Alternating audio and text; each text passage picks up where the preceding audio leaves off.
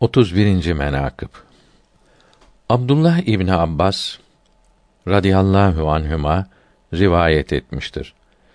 Resulullah sallallahu teala aleyhi ve sellem Fatıma Tüz Zehra radıyallahu anha hazretlerini Ali Yül Mürteda radıyallahu an hazretlerine nikah etti. Fatıma Tüz Zehra dedi ki: Ya Resulallah, beni tezvic ettin bir fakir kimseye ki hiçbir nesnesi yoktur.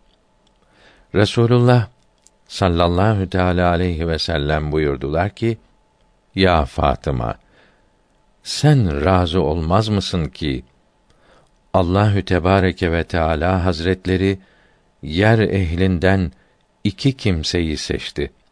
Biri babandır, biri zevcindir.''